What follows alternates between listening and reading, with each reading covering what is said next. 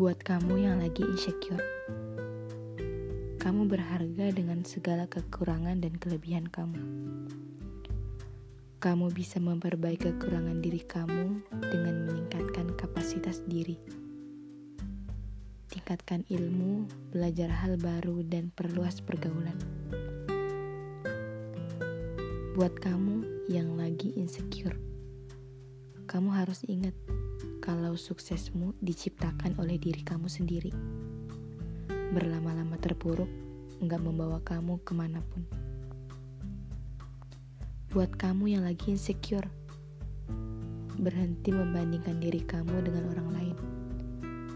Nggak ada orang yang mau menunjukkan kesedihan dan keterpurukan mereka. Fokus dengan diri kamu. Buat kamu yang lagi insecure, Hari ini, kamu boleh bersedih. Tapi niatkan, kalau besok kamu akan bangkit dan kejar mimpi. Seperti dalam film, It's okay to not to be okay. Dan jangan lupa mengatakan, I belong to myself.